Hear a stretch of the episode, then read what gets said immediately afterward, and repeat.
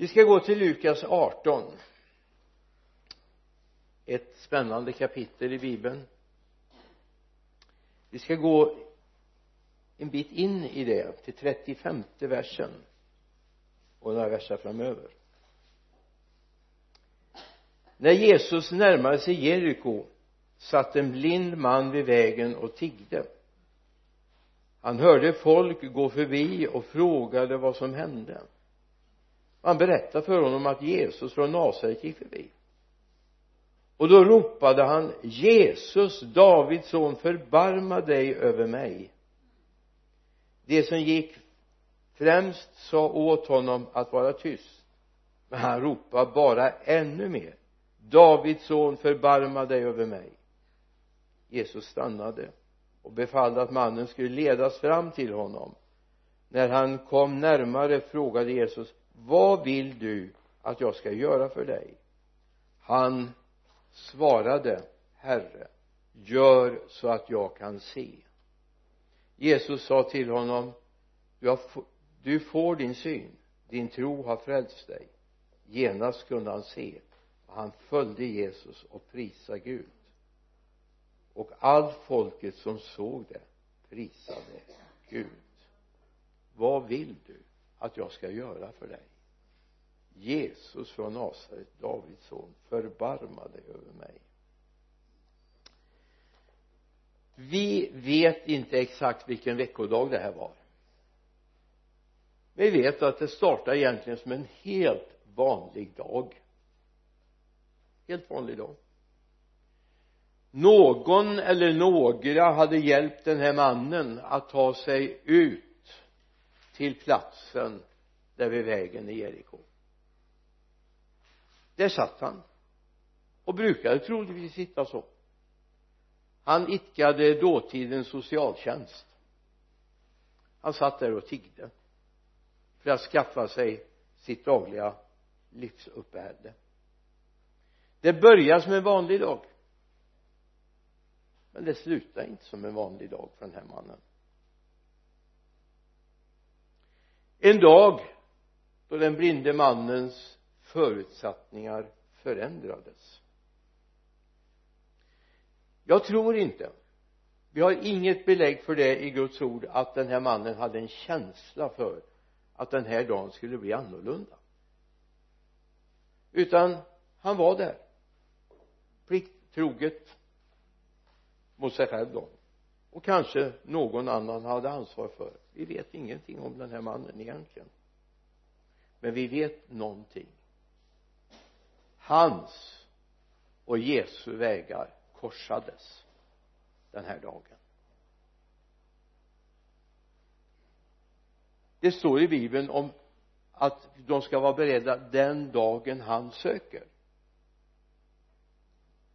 Nu var det en sån där besökelsetid i Jeriko. Jesus kom och gick igenom stan.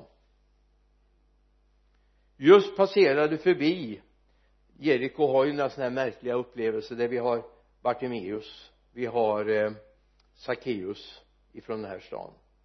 Människor som gör livsavgörande möten med Jesus.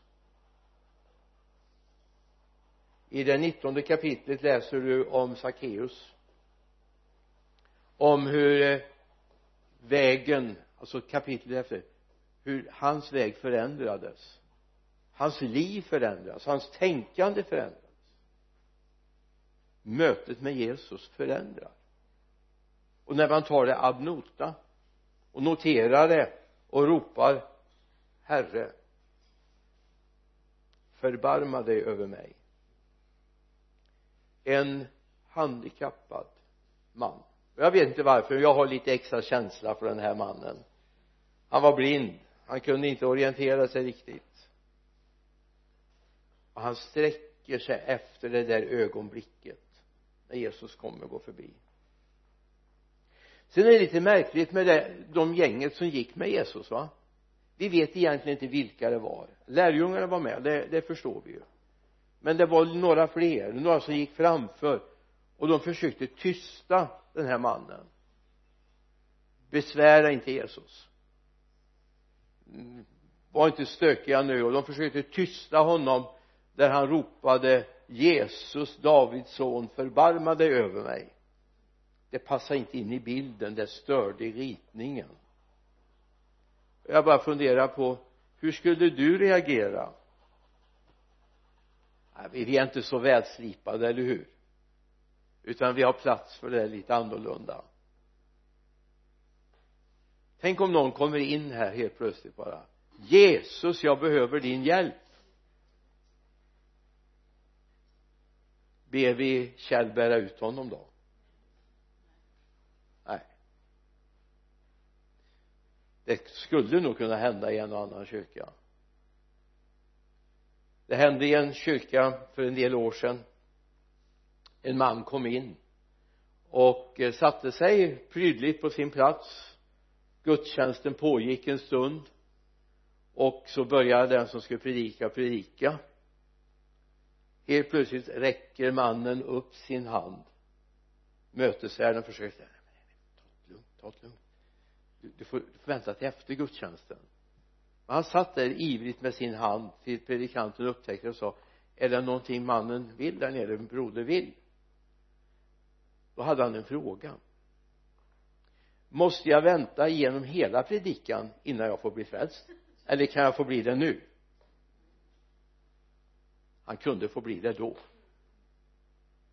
Alltså hoppas inte vi är som de här som gick med Jesus som dämpar ner, tystar ner. Nu gick det ju inte att göra det med den här mannen för han var väldigt målmedveten. Han ville få sin syn förändrad. Han visste att han som kunde göra det han gick förbi just nu.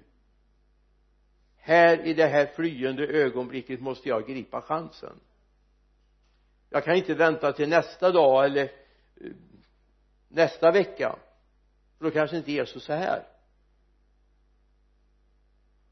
Hur är det med dig och mig? Är vi lika angelägna? Att Jesus hjälper oss med det som är vårat behov? Andlig blindhet. Att vi har fysisk smärta eller vad det nu kan vara. Är vi beredda att sträcka ut oss och säga Gud grip in nu hjälp mig. Även om det kanske skulle stöta sig mot någon. Det var en vanlig dag. Men tänk att Jesus älskar vanliga dagar. Eller hur? Så imorgon bitti när det är en vanlig måndag och du ska trava iväg till jobbet. Tänk att det, det är en sån dag som Jesus är väldigt bra på att hjälpa till på. Vanlig dag vi vet att det var sabbater då Jesus också grep in. Han botade till och med på sabbaten. Det var ju inte helt okej okay, men han gjorde det. För han sa att kan man dra upp oxen ur brunnen en sabbat så kan man bota en som är sjuk. Men även vanliga dagar vanliga vardagar måndagar till lördagar kan Jesus gripa in. Där du är och där du ropar till honom. Mannen som sitter där om vi tittar igen i sammanhanget vers 42 43 Lukas 18 Jesus sa till du får din syn. Din tro har frälst dig. Genast kunde han se och han följde Jesus och prisade Gud. Och all folket som såg det prisade Gud. Förlåt en liten fundering. Hur tror du de här som försökte tysta honom reagerade? Vi har, vi har inget facit på det. Men det är väl värt att fundera över eller hur? De här som sa nej men tyst nu, tyst nu. Jesus har andra viktigare saker för sig just nu. Och du funderar på var de också med och prisade Gud? Jag hoppas det. Vi har ingen facit. Vi kan inte göra någon teologi av det. Men visst är det värt att fundera på kan man förändra så när man ser vad Gud gör? När Gud griper in den här vanliga dagen blev en annorlunda dag och en dag för framtiden. Ta med den här bilden. Här sitter han som tiggare. Kan han göra det nästa dag också? Eller gör han det nästa dag också? Är det någon som hämtar honom och tar med honom till eh, den här platsen i Jeriko? Så han får fortsätta att tigga. Eller förändras hans liv? Förändras hans förutsättningar efter mötet med Jesus. Titta på dig själv. Var det någonting som förändrades i ditt liv? Dina förutsättningar den där dagen Jesus fick flytta in i ditt hjärta? Hände det någonting på insidan? Tänk om det här ja nu är det ju söndag tänk om det här är bara en sån där vanlig söndag. Sån där transportsträcka från eh, det ena till det andra. En sån där vanlig söndag. Tänk om det är en sån där vanlig söndag. Som Jesus kan göra till en annorlunda söndag. Tänk om det är ett sånt där tillfälle där han kan förändra din livssituation. När jag satt igår kväll och förberedde och bad för den här söndagen den här gudstjänsten. Så börjar Gud tala till mig. Och jag vill förmedla det Gud talade till mig igår kväll. Den här vanliga söndagen lyssna vill Gud förändra din andliga syn. Du lever i blindhet men Gud vill ge dig en syn så du ser vad han kan göra. En sån där vanlig söndag. Kan du gå härifrån helt livsförvandlad? Och jag lovar dig att imorgon kommer vara en helt ny dag för dig. Med helt nya möjligheter. Eller du som lever med ångest. Gud pekar på det du som brottas med det här och går upp och ner med ångest. Det är jättejobbigt. Tänk om det här skulle vara en vanlig söndag där Gud löser dig från all ångest. All den här smärtan. Tänk om du skulle stå upp efter den här söndagen likt den här mannen och följa efter honom och prisa honom och alla vi som såg det skulle prisa honom. Då skulle inte det här vara en vanlig söndag det skulle vara en helt annorlunda söndag. En sån söndag som vi egentligen vill ha. Eller hur? Just när Jesus var där ropade han. Han såg inte att det var Jesus. Han hörde att det kom folk men han kunde inte orientera vad det var som hände om han berättade. Det är Jesus någonting hade han ändå fått med sig. Han hade inte läst Jerusalem Post. Han hade inte hört de senaste nyheterna på Facebook. Men någonstans hade han hört vad Jesus brukade göra. Det var inget främmande för honom att det var han som kunde göra miraklet vi vet inte. I andra sammanhang står det om att vi vet att de var födda blinda men kanske den här mannen var också. Vi vet ingenting. Vi vet att han var blind. Och jag menar det är ett bekymmer att vara blind. Om du ska klara den vanliga vardagliga sysselsättningen så är blindhet ett svårt handikapp. Men han hade ändå noterat att denne Jesus han som kommer just här i Jeriko idag han kan förändra min livssituation. Jag vet inte. Jag kan inte gradera hans trosinställning om han hade en stark tro, en medeltro eller en lag tro men vi vet att han hade ändå en tro. Han hade en tillit, en förväntan. Du Jesus förbarma dig över mig det var många som har gått förbi. Jesus var inte den enda. Det var inte det enda sällskapet som hade passerat förbi honom. Jag tror inte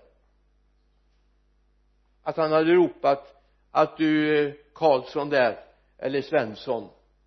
Eller vad de nu kunde hetat. De hade nog inte sådana namn. Förbarmade över mig. Jag vill ha min syn.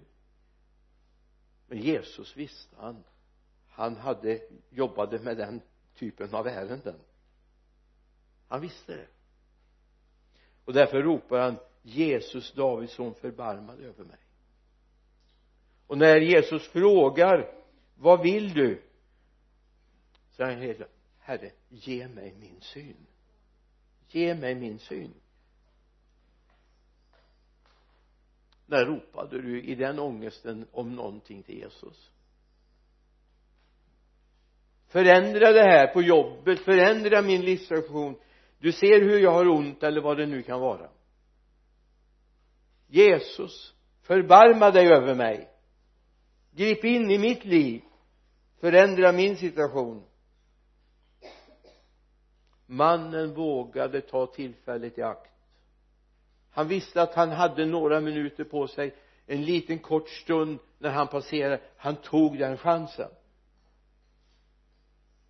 nu har jag en underbar nyhet till dig.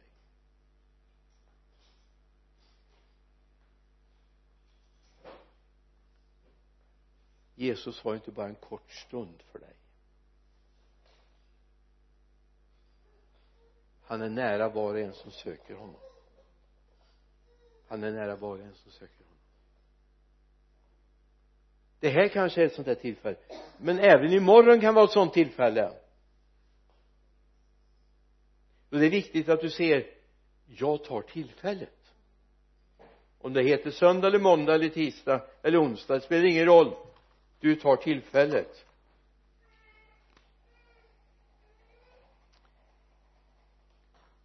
Det fanns en angelägenhet.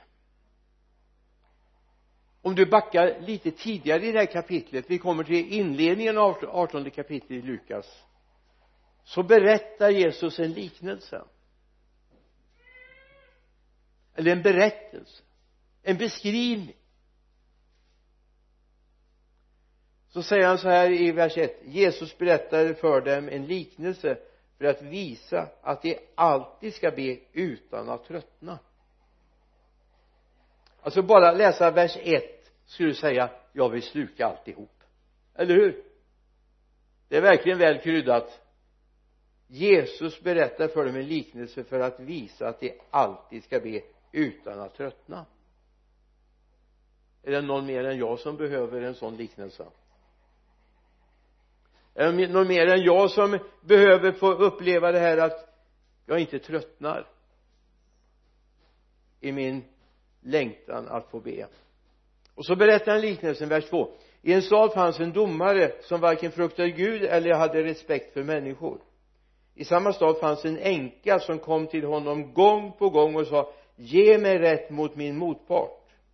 En tid ville han inte men sedan sa han till sig själv även om jag inte fruktar Gud eller respekt för människor ska jag ändå ge den här änkan rätt eftersom hon är så besvärlig. Annars pinar hon ju till slut livet ur mig med sitt springande.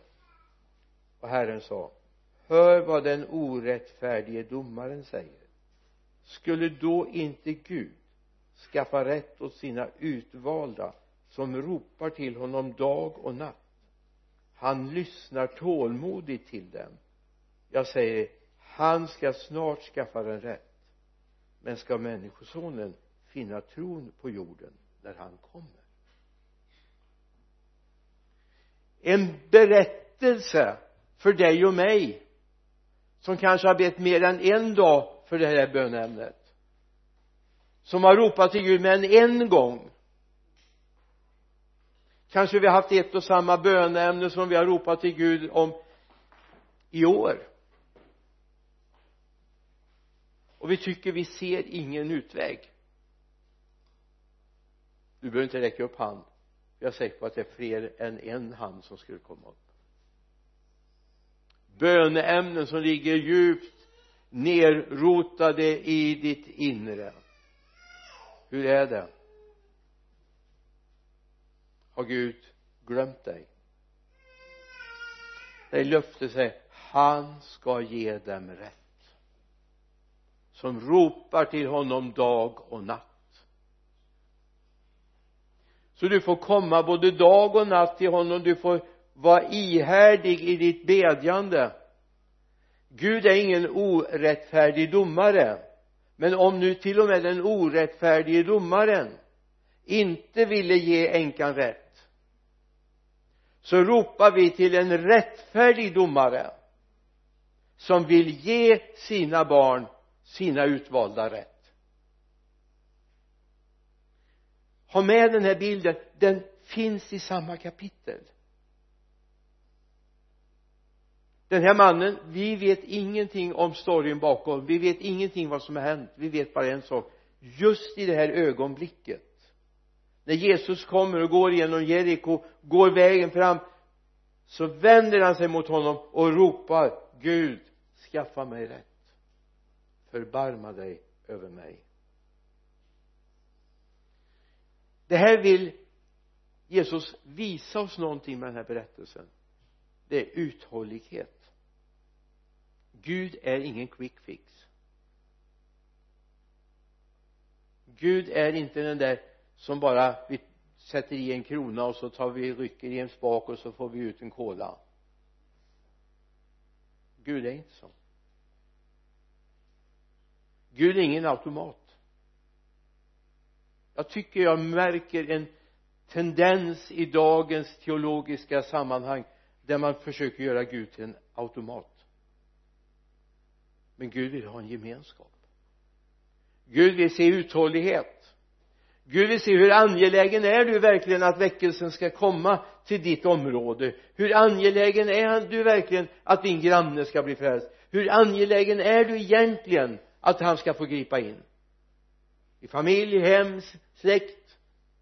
Hur angelägen är du att det ska hända någonting i din klass på din arbetsplats? Hur angelägen är du egentligen?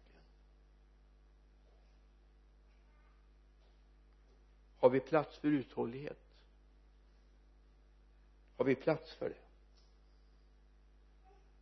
Har vi plats att ropa både dag och natt till honom? Eller är han bara det där bönämnet bara en på listan? Nu fick jag, nu har jag bett fem gånger för det. Nu väntar jag på att få bönesvar. Och så gör jag det här fem gånger och så får jag bönesvar. Gud är ingen automat. Gud är en person som vi får komma till.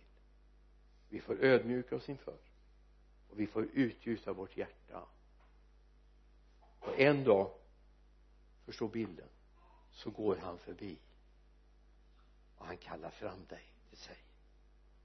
Och han vill gripa in. Det Gud har sagt kommer att ske.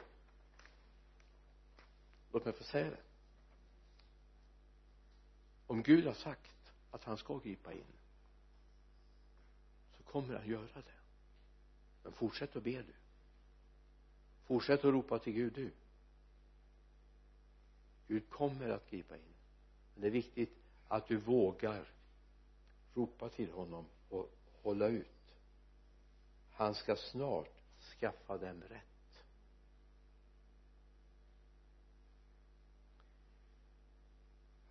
När vi släpper in Jesus i vår livssituation då blir det inte vanliga dagar vanliga dagar längre. Våra liv förändras. Hur ofta är det inte som vi tänker så här jag fixar det här själv? Enkelt eller svårt?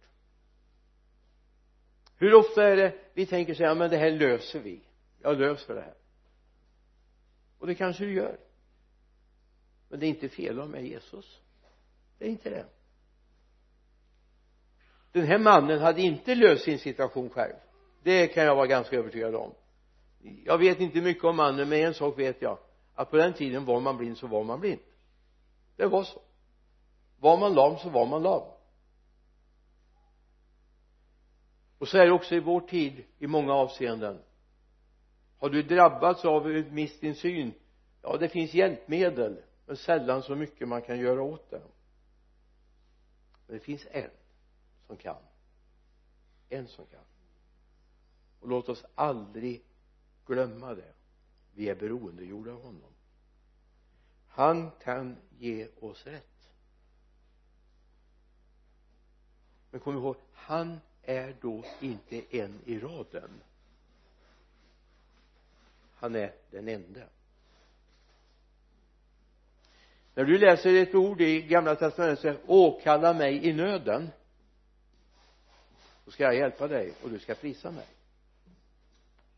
Och psaltaren åkalla mig i nöden har du tänkt på vad det ordet egentligen innebär? Åkallan är ju inte bara en böneform. Utan åkallan betyder jag säger till dig Gud du är min enda räddning. Du är min enda räddning. Finns inget mer, finns ingen annan. Du är den ende. Så när du åkallar Gud med ditt hjärta så talar du om för Gud Gud om inte du gör det så gör ingen annan det. Ingen annan kan förändra det men du kan du är mitt enda hopp. Du är min enda tillflykt. Så vi, viktiga, vi kommer in i ett sådant sammanhang där vi känner så här, ja men det, det vore väl bra Jesus men det kanske jag kan fixa på något annat sätt. Inte ska du besvära dig att hela mig. Eller ge mig ett nytt jobb eller bostad eller vad det nu kan vara jag kan behöva va? Utan mitt hopp det sätter jag till honom jag älskar inte det här uttrycket men för att du ska förstå vad jag menar så så satsar vi allt på ett kort. Det enda kortet. Tyvärr har vi alldeles för ofta för mycket förväntningar på människor. Det är bra med människor som är välvilliga och vill ställa upp och hjälpa till, eller hur? Det är underbart med sådana människor. Sådana behöver vi många av. Men det finns situationer där Jesus är enda lösningen. Enda chansen för oss.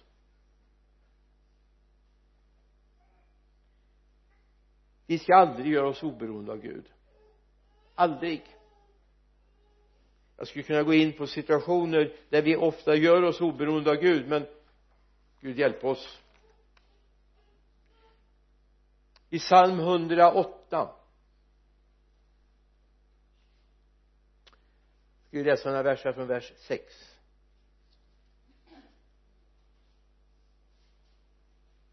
men de ropade till Herren i sin nöd. Han räddade dem ur svårigheter. Han ledde dem på den rätta vägen till en stad. 507 förlåt mig 507 ja. Det vet jag ju till och med att det var. Jag hade skrivit fel. 507 vers 6 men de ropade till Herren i sin nöd och han räddade dem ur deras svårigheter. Han ledde dem på den rätta vägen för till en stad där de kunde bo. De tackade Herren för hans nåd och hans under mot människors barn. För han mättar dem längtande själen och fyller den hungrande själen med sitt goda men de ropar till Herren i sin nöd. Och han räddar dem ur deras svårigheter. Det är viktigt vem du vänder dig till i ditt bekymmer. Att du vet jag känner mig trygg med Gud. Att ropa till Gud, att komma till Gud är aldrig en chansning. Det är en trygghet. Jag vet på vem jag tror jag vet vad han har att ge mig. När vi låter Jesus göra det så händer det någonting. När vi vågar vända oss till honom så händer någonting. Låt mig få ta er med till Lukas 17 Lukas är full av exempel på vad Gud kan göra. I vers 11 och någon vers framöver framöver på sin vandring mot Jerusalem tog Jesus vägen mellan Samarien och Galileen. När han var på väg in i en by möttes han av tio spetälska män. De stannade på avstånd och ropade Jesus mästare förbarma dig över oss. Han såg dem och sa till dem gå och visa er för prästerna. Och medan de var på väg blev de rena. Låt mig få ta dig ytterligare ett stycke. Gud inte bara lyssnar. Jesus inte bara lyssnar. Utan säger också någonting. Här kommer tio spetälska tio leprasjuka. Vi vet inte hur läget var men de var i alla fall diagnostiserade som leprasjuka eller spetälska. Och det är en fruktansvärd sjukdom. Så eh, helt enligt lagen så möter inte Jesus dem och, och börjar och lägga händerna på dem. Det hade han kunnat gjort. Han var nog immuniserad. Det är jag ganska övertygad om. Men han gör inte det. Men han har ett ord. Gå nu och visa er för prästerna. När skulle de gå och visa sig för prästerna? Jo om man hade blivit frisk och det gått ett antal, en tid så var det prästerna som skulle konstatera om jag fick vara ihop med folk igen. Om jag var fri ifrån min spetälska. Det här var ganska unikt att det hände. Så bara detta att han säger men gå iväg och visa er för prästerna. De ska konstatera att ni är friska. Så gör de det. Så gör de det alltså det var inte en på tusen som fick ett sånt uppdrag. Utan ut i den där byn där borta som inte har med någon annan människa att göra. Där får du vara bland gravarna får du vara. Där ute får du hålla till men, men inte inne i samhället. Det är inte okej. Okay. var fanns prästerna? De fanns ju i centrum. Där många andra var. Gå och visa dig för dem.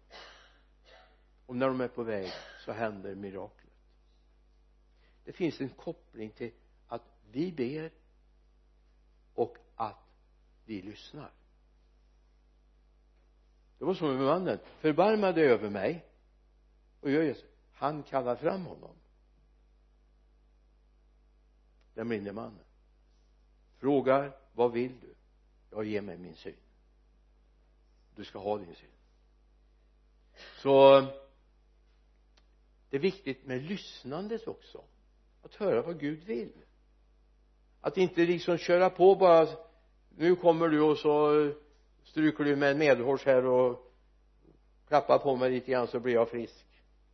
Utan förmodligen var det lite mer det handlade om. Och jag tror det är viktigt att vi ser det. Lyssna. Lyda lyssna. Eller lyssna lyda. Det är viktigt vilket som det va när vi låter Jesus verka. Hör du? När du låter Jesus verka i dig. Så handlar det om att Gud får göra det på sitt sätt. Jag skulle egentligen vilja läsa för dig ett sammanhang i andra kungabokens femte kapitel. Du kan ta med det som hemläxa andra kungabokens femte kapitel verserna 9 till 11 och 13 till 14 alltså när jag satt och läste då blev jag så fascinerad. Så otroligt fascinerad. Det är ju Naman. Han är spetälsk han, han, han lider. Och så har han precis en nyfångad det låter ju nyfångad eh, tjänstekvinna som han har tagit ifrån eh, hebreerna. Och han är bekymrad. Och då säger den här tjänstekvinnan till honom den här unga tjejen ja men hemma i mitt land där har vi en profet. Och han kan bota sjuka. Vi kanske ska åka dit.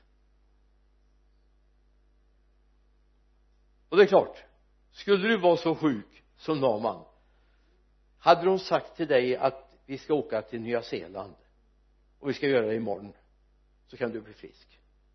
Hade du då haft den ekonomiska ställningen som den här mannen Naman hade så hade du rest. Jag är övertygad. Hade han sagt eh, den här tjänstekvinnan sagt att jag vet att bara du går över Alperna pulsar genom snön och högsta punkten och kommer ner i i något land där Nepal till exempel så kan du bli frisk. Alltså man är i så utsatt läge. Här kommer den lilla unga tjänstekvinnan hemma i mitt land har vi en profet. Han kan bota. Och så åker den här Naman till kungen i landet. Och han blir alldeles förtvivlad. Sjuk. Jag kan inte göra någonting. River sönder sina kläder. Och så får Elia, Elisa höra det så han sänder bud och säger men låt honom komma hit. Och Naman åker dit och så blir han så besviken. Profeten går inte ens ut och hälsar på honom. Oartigt. Skickar ut ett sändebud och säger nej men åk du och doppa dig i Jordan sju gånger så ska du bli frisk.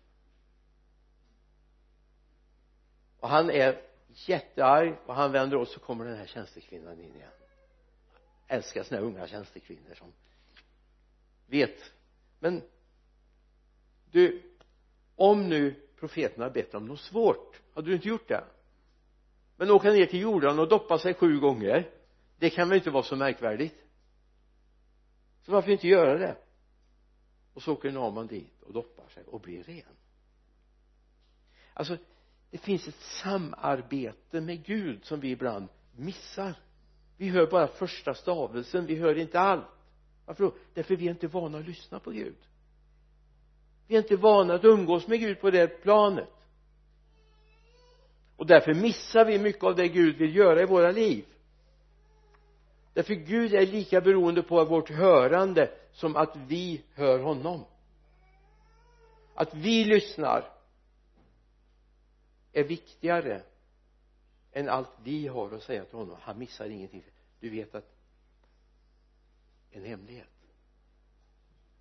Innan bönen är på din tunga säger psalmisten så vet han allt om det redan. Så innan du ber om det där bönämnet som ligger så tungt på ditt hjärta så vet han allt om det redan. Sen ska du be du ska visa att du är ihärdig du ska vara som kvinnan, änkan som kom till domaren. Du ska hålla ut.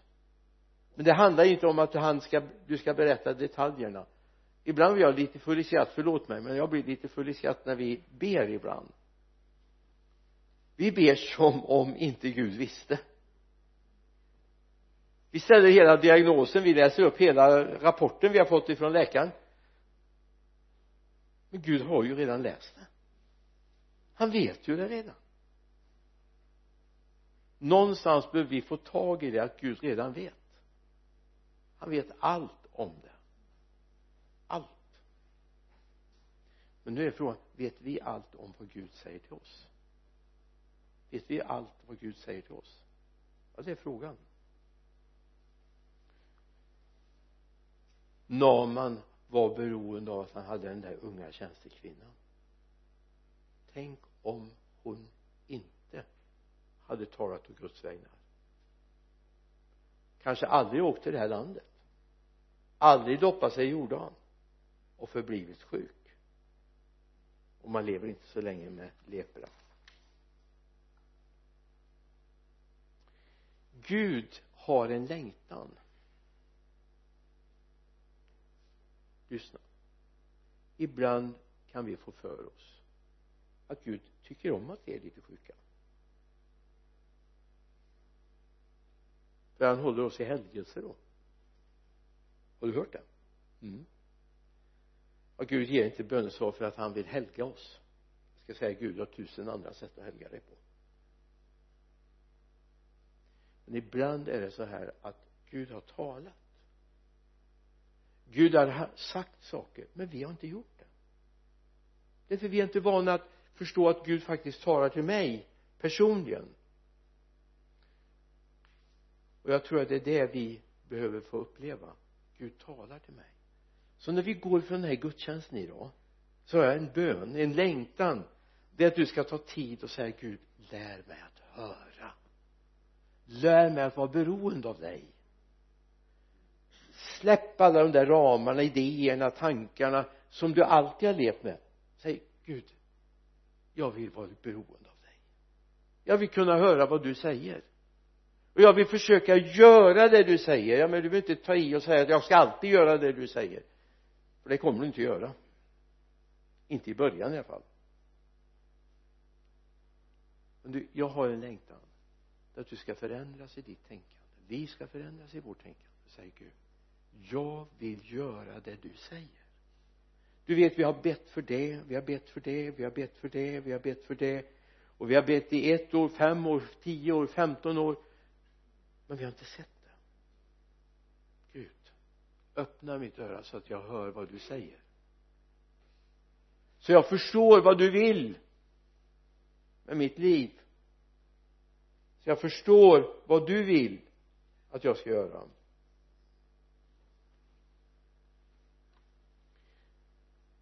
Sen kan vi komma in i det här och tänka ja men de här personerna vi läser om i bibelns blad det, det var ju alltså det var lite grann av Guds experter, eller hur?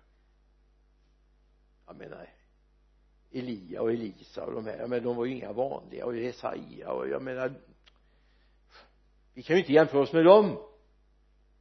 Kunde vi inte? De var inga halvgudar du vet när de föll ner för Paulus och började tillbe honom och såna här grejer när, när ormen skakades av i elden och på Malta. Då föll de ner och tillbad honom. Det talade de för mig det ska ni inte göra. Men då kommer det ett tröstens ord till oss vanliga människor. Vanliga dagar. En vanlig söndag. I Jakob 5 17 18 Elia var en människa med samma natur som vi.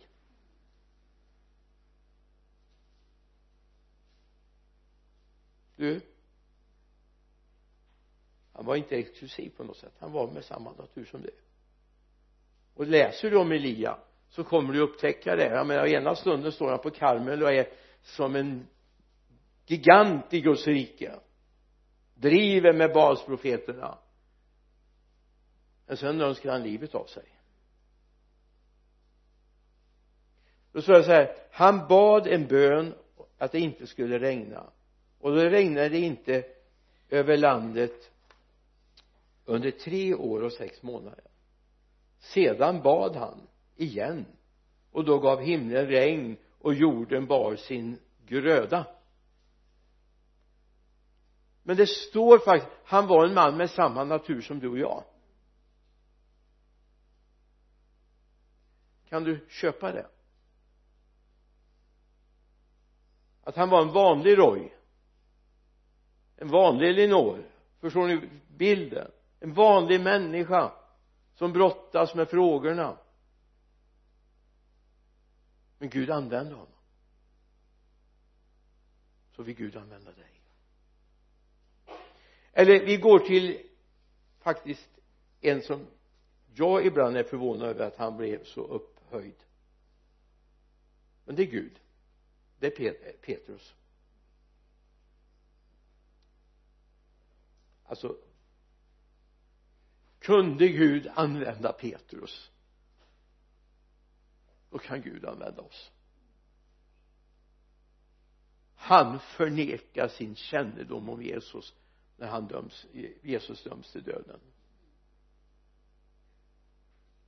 Han förnekar. Och nog är det han som hugger örat av tjänarna som kommer och ska gripa Jesus. Men kommer vi till apostlagärningarnas femte kapitel då börjar man fundera på Gud är jag släkt med honom? Om du förstår vad jag menar. Är jag samma natur? Det där första kan jag känna igen. Men det här 14, vers 14 och ännu fler kom till tro på Herren stora skaror både män och kvinnor. Man bar till och med ut i sjuka och på gatorna och lade dem på bäddar och bårar för att åtminstone Petrus skugga skulle falla på någon av dem när han gick förbi. Det kom också en stor skara från städerna runt omkring Jerusalem. Och det förde med sig sjuka och sådana som plågades av orena andar. Och alla blev botade. Det fattas bara att det hade stått också i inledningen Petrus en människa precis som du och jag. Kan du köpa det? Han var ingen halvgud. Han var ingen ängel. Han var en människa som Gud använde.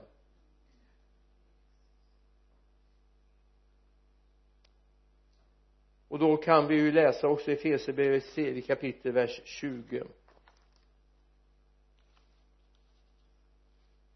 och jag skulle vilja har du inte gjort en notering och så tagit en vecka och funderat över det här bibelordet då ska du göra det. Ta en vecka och fundera över det här bibelordet för det här gäller dig. I den tjugonde versen. Han som kan göra långt mycket mer än allt vi ber om eller tänker oss genom den kraft som verkar i oss. Vi vanliga svenskar, iranier, afghaner finländare och vad vi nu kan vara för någonting va?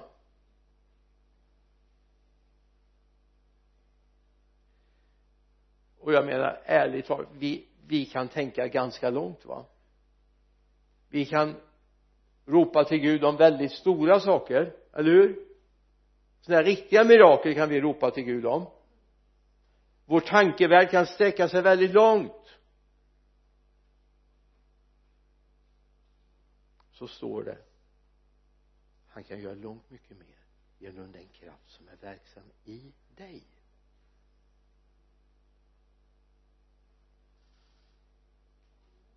Du vanliga människa Gud kan använda dig och göra mirakel genom dig. Jag skulle vilja att du tar med det från den här gudstjänsten.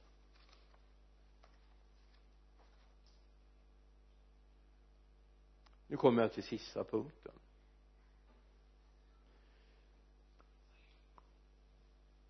Det känns väl gott. Vi ska, vi ska hinna en landning. Jag ska ha en predikan till idag. Då ska vi tala om Jesus uppväcker Lazarus. Ska vi fortsätta i den här med vanliga människor? Livssituation när Jesus får gripa in. När den här mannen den blinde mannen som vi läser om i eh, Lukas 18 borta i Jeriko blir botad helad upprättad. Så händer någonting. Han prisar Gud. Han prisar Gud det är någonting som händer när Gud får röra verkligen på djupet människor. Här står det om den här mannen. Vi läser i eh, apostlarnas tredje kapitel läser vi om eh, den här lame mannen som sitter vid sköna porten. Han rusar med in i templet högt och prisar Gud. Jag höll på säga hade inte det hänt kanske inte de hade angripit eh, Johannes och Petrus sen? Men okej. okay, om han då hade blivit helad där vid sköna porten en mindre där och han hade gått hem så kanske allt hade varit lugnt. Och nu prisar han Gud. Det var verkligen uppenbart. Till och med hans föräldrar men han var ju till hög ålder kommen i alla fall va? han var ju en mogen man. Han fick ju tala för sig själv sa föräldrarna. Han var väl 40 år tror jag det var så va? Mm. vad hände? Du kanske inte har blivit botad från blindhet. Du har inte blivit kanske botad från lamhet. Du kanske inte har blivit botad från lepra. Men du har fått det största av allt. Du har blivit frälst. Du har blivit Guds barn född på nytt. Det slår allt det andra. För när vi kommer hem till himlen vet du det gör ingenting om jag är blind. För jag får en ny kropp. Det gör ingenting om jag är lam. Det är opraktiskt här men i himlen har jag fått en ny kropp. Den är inte lam. Om jag till äventyrs skulle dö i leprasjuka ja men jag är inte leprasjuk när Jesus uppväcker mig. Eller? Men om jag är ofrälst om jag inte är född på nytt då växer jag inte upp till evigt liv utan till evig förbannelse. Och det har väl du? Eller hur hur uttrycker du det? Hur tackar du Gud för det?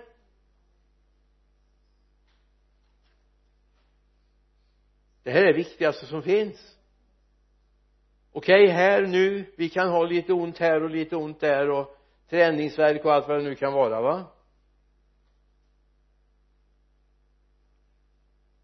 Men i himlen. Då finns det mycket jag vill se. Då är jag fri från allt det här. De bekymmer, det som plågat mig här som Gud gärna hjälper mig med här men skulle jag nu gå och dö innan allt det här är löst så kommer jag till en ny värld där allt det där är borta. Hur tackar jag Gud för det?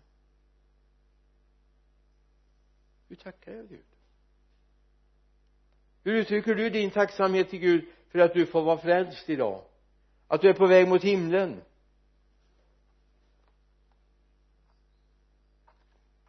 I psalm 86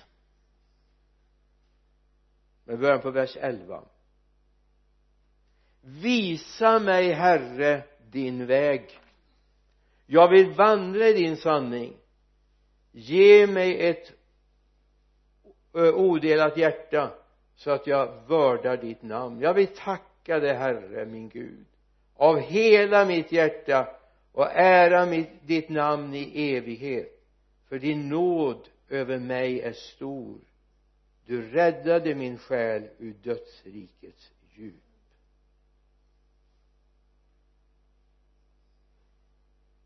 Han har gett dig ett ämne att lovprisa. Han har gett dig ett ämne att vara glad över. Egentligen är vi ju beundransvärda, eller hur? Som kan hålla igen. Tänk om du skulle få nu spelar du inte på, på varken lotto eller annat, eller hur va? Men säg att trots att du inte har köpt någon lott trots att du inte har tippar på stryktipset eller på annat sätt så dimper det ner ett brev i din brevlåda imorgon som är helt säkert och så att du har vunnit en miljon. Sen står det i texten nere du ska ge 900 000 till pastorn men det, det kan vi nej det sista var skämt.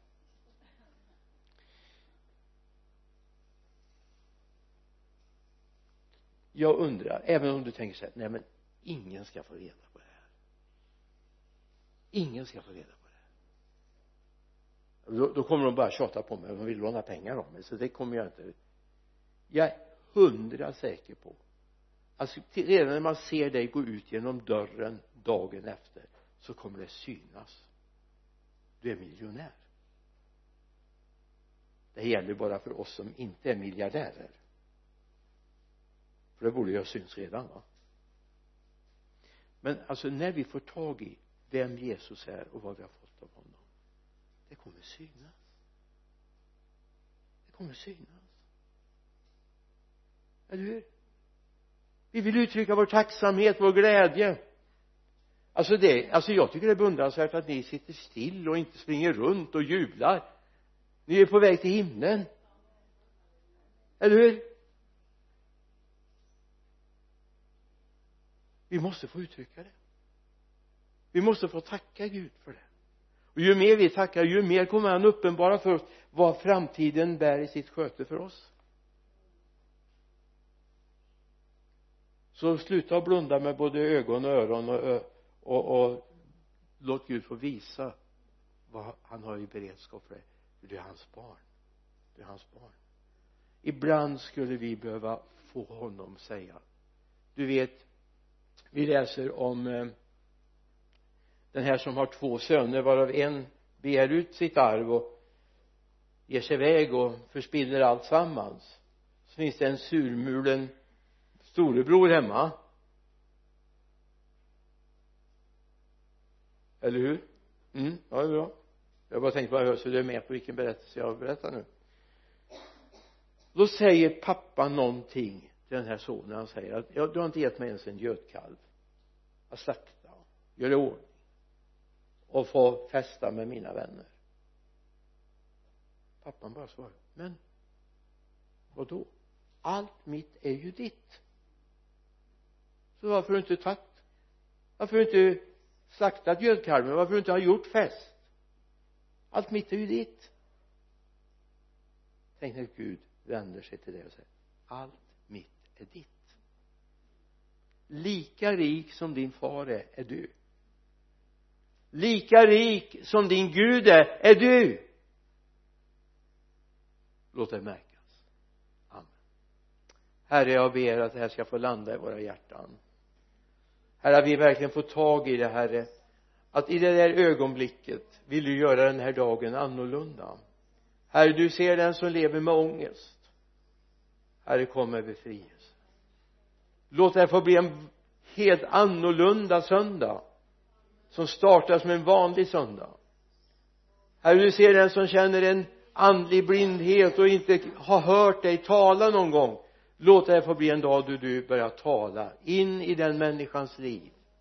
Låt den få en ny upptäckt av vem du är Jesus. Jag prisar dig för det. I Jesu namn. Amen.